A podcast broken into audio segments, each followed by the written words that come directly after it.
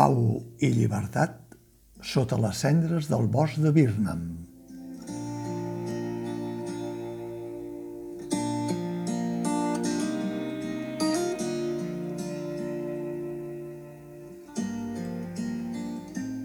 Els supervivents de Macbeth acaben de cridar el lema Pau i llibertat, que tanca l'obra, en conxorxa amb l'auditori de la sala Fabià Puigcervell del Teatre Lliure de Montjuïc. I a la sortida, només obrir el mòbil, les notificacions d'última hora parlen d'un tiroteig a Kansas City, d'un bombardeig més a Ucraïna i d'un altre hospital bombardejat a Gaza. Pau i llibertat, doncs. Tot i que Shakespeare, en el seu text original, en tenia prou amb un visca dedicat al rei d'Escòcia. El director i dramaturg Pau Carrió un dels que més ha treballat al Teatre Lliure en diferents disciplines, amb prop de 40 produccions en els últims 15 anys, ha adaptat aquesta versió de Macbeth a una època en estat de guerra contemporània, inspirada en la Gran Guerra, la sagnant Primera Guerra Mundial, però que pels cops de taló dels militars també podria ser la Segona Guerra Mundial. Intemporal, doncs, però sempre situada a prop del mític bosc de Birnam, amb els personatges protagonistes de la tragèdia shakespeariana, amb les tres bruixes de l'oracle llançat a Macbeth, convertides aquí en monges infermeres d'un hospital de guerra, i amb un estol de militars uniformats i emmedallats, negre total de Sílvia de l'Anyó, aquí només els faltaria guardonar amb la creu gamada per acabar-ho de fer més rodó. La versió de Pau Carrió, ha optat per una aposta de gran format, impregnada, literalment, per la foscor metafòrica que arrossega la tragèdia de Shakespeare i amb una extraordinària matisació d'il·luminació, creació de Raimon Rius,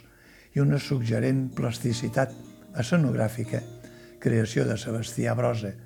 plantejada com si fos un disseny en 3D, amb diversos grans espais que s'obren i es tanquen, aconseguint un efecte tan poètic com tenebrós i suggerent. Macbeth no seria el que és sense els dos principals intèrprets. En aquest cas, li ha tocat a l'actor Ernest Villegas posar-se en la pell del tirà que acaba sent víctima del seu propi afany de poder. Ernest Villegas té la capacitat de fer de qualsevol dels seus personatges una caracterització viva, encesa, passional, que arrodoneix amb el domini de la netedat de la llengua. La seva parella aquí és l'actriu Laia Marull, com a Lady Macbeth, que entra amb força i expressivitat amb les seves primeres intervencions i que més endavant es manté en segon terme per exigència del mateix Shakespeare quan ja ha aconseguit el seu propòsit malvat. El repartiment de l'obra, 14 intèrprets d'UPA, porta a fer alguns doblets, com en el cas de les tres bruixes, les actrius Alba Pujol, Júlia Trujol i Mar Ulldemolins. I és amb les seves intervencions quan la posada en escena obté els efectes més fantasmagòrics, ja sigui enmig d'una boira o enfilades a l'esquelet d'un arbre nu i mort. Uns efectes que troben els seus millors moments en el conjur del bosc, també hi ha escenes brillants amb el banquet, amb la llarga taula parada o en l'estesa de llits de monja de la sala de l'Hospital de Sang,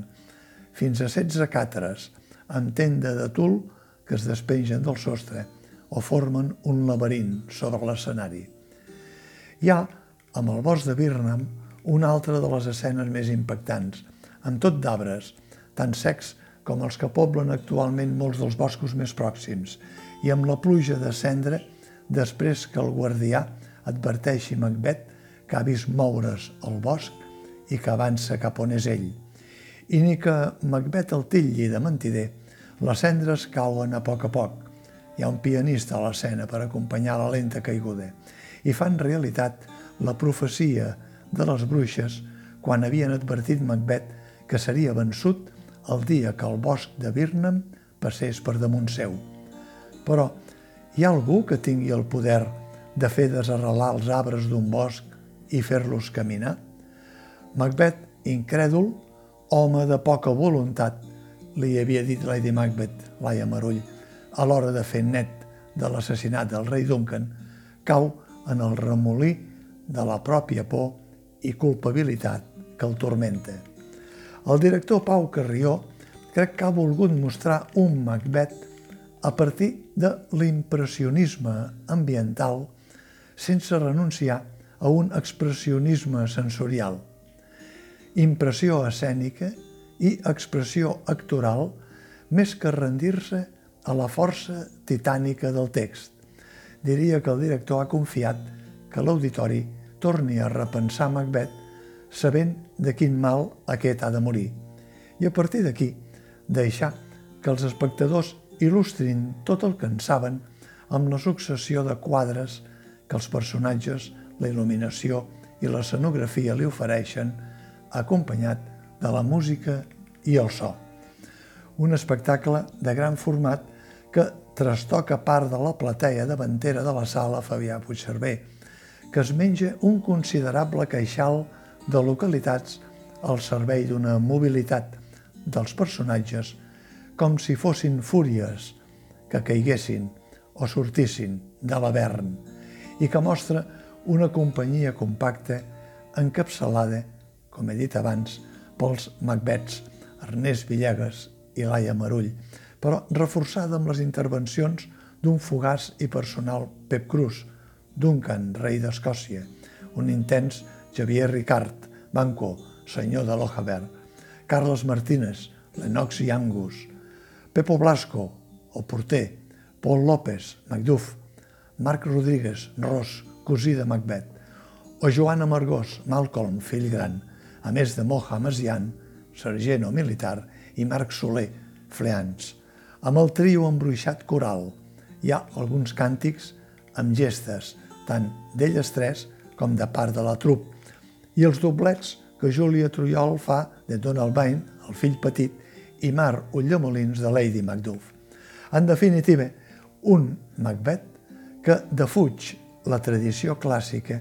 i que fuig també de la modernor per centrar-se en l'essència dels personatges i en la tragèdia que els envolta.